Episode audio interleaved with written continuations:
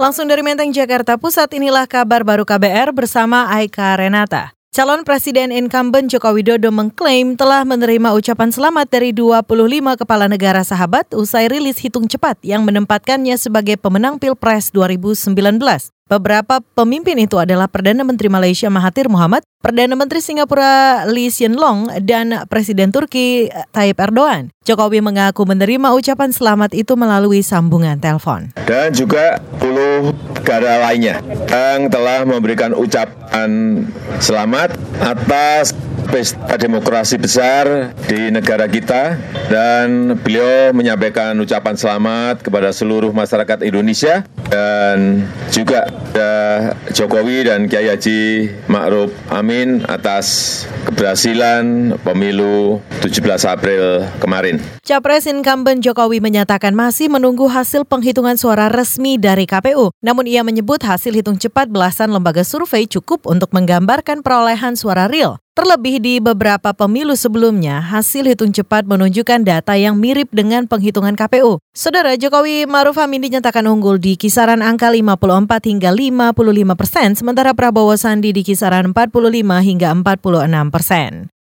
Sementara itu calon Presiden Prabowo Subianto mengajak pendukungnya kembali menyambung persaudaraan yang putus akibat Pilpres. Hal ini diungkapkan Prabowo saat mendeklarasikan diri sebagai pemenang Pilpres 2019 di rumah sekaligus posko pemenangannya di Kebayoran Baru, Jakarta Selatan sore tadi. Prabowo mengklaim menang telak 62 persen berdasarkan hitung cepat tim internalnya. Ia menolak hasil hitung cepat lembaga survei terakreditasi KPU yang memenangkan kandidat petahana Joko Widodo. Kami mohon janganlah kemenangan yang kita peroleh dengan izin Tuhan Yang Maha Kuasa menjadikan kita bersikap jumawa dan sikap lain yang berlebihan. Inilah saat yang tepat bagi kita semua anak bangsa untuk segera saling mempererat persaudaraan kita. Seperti dikatakan oleh Pak Jokowi, agar rantai yang putus segera disambung kembali. Sudah tentu saya dan saudara Sandiaga Uno akan tetap bersahabat dengan Pak Jokowi dan Kiai Maruf Amin dalam deklarasi kemenangan sore tadi, Prabowo Subianto didampingi oleh cawapresnya Sandiaga Uno yang absen pada dua deklarasi sebelumnya. Namun, usai deklarasi, Sandiaga langsung meninggalkan lokasi dan menolak memberikan keterangan pada awak media. Agenda deklarasi tadi dihadiri juga oleh perwakilan Koalisi Adil Makmur yakni Sekjen Partai Demokrat Hinca Panjaitan dan Ketua Majelis Juro PKS Salim Segaf Al-Jufri. Tampak juga Ketua Dewan Kehormatan PAN Amin Rais, politikus Gerindra Sudirman Said, Neno Warisman, dan jajaran petinggi BPN.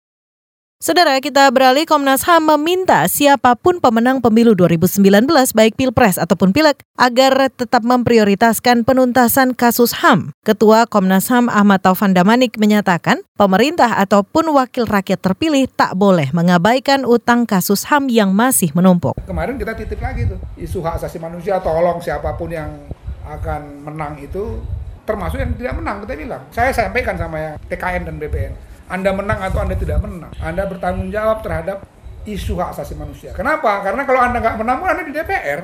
Ketua Komnas HAM Ahmad Taufan Damanik meminta masyarakat sipil juga ikut mengawal kinerja pemerintahan terpilih. Komnas HAM dan beberapa organisasi sipil telah merilis sembilan agenda prioritas, salah satunya soal penuntasan kasus HAM berat masa lalu.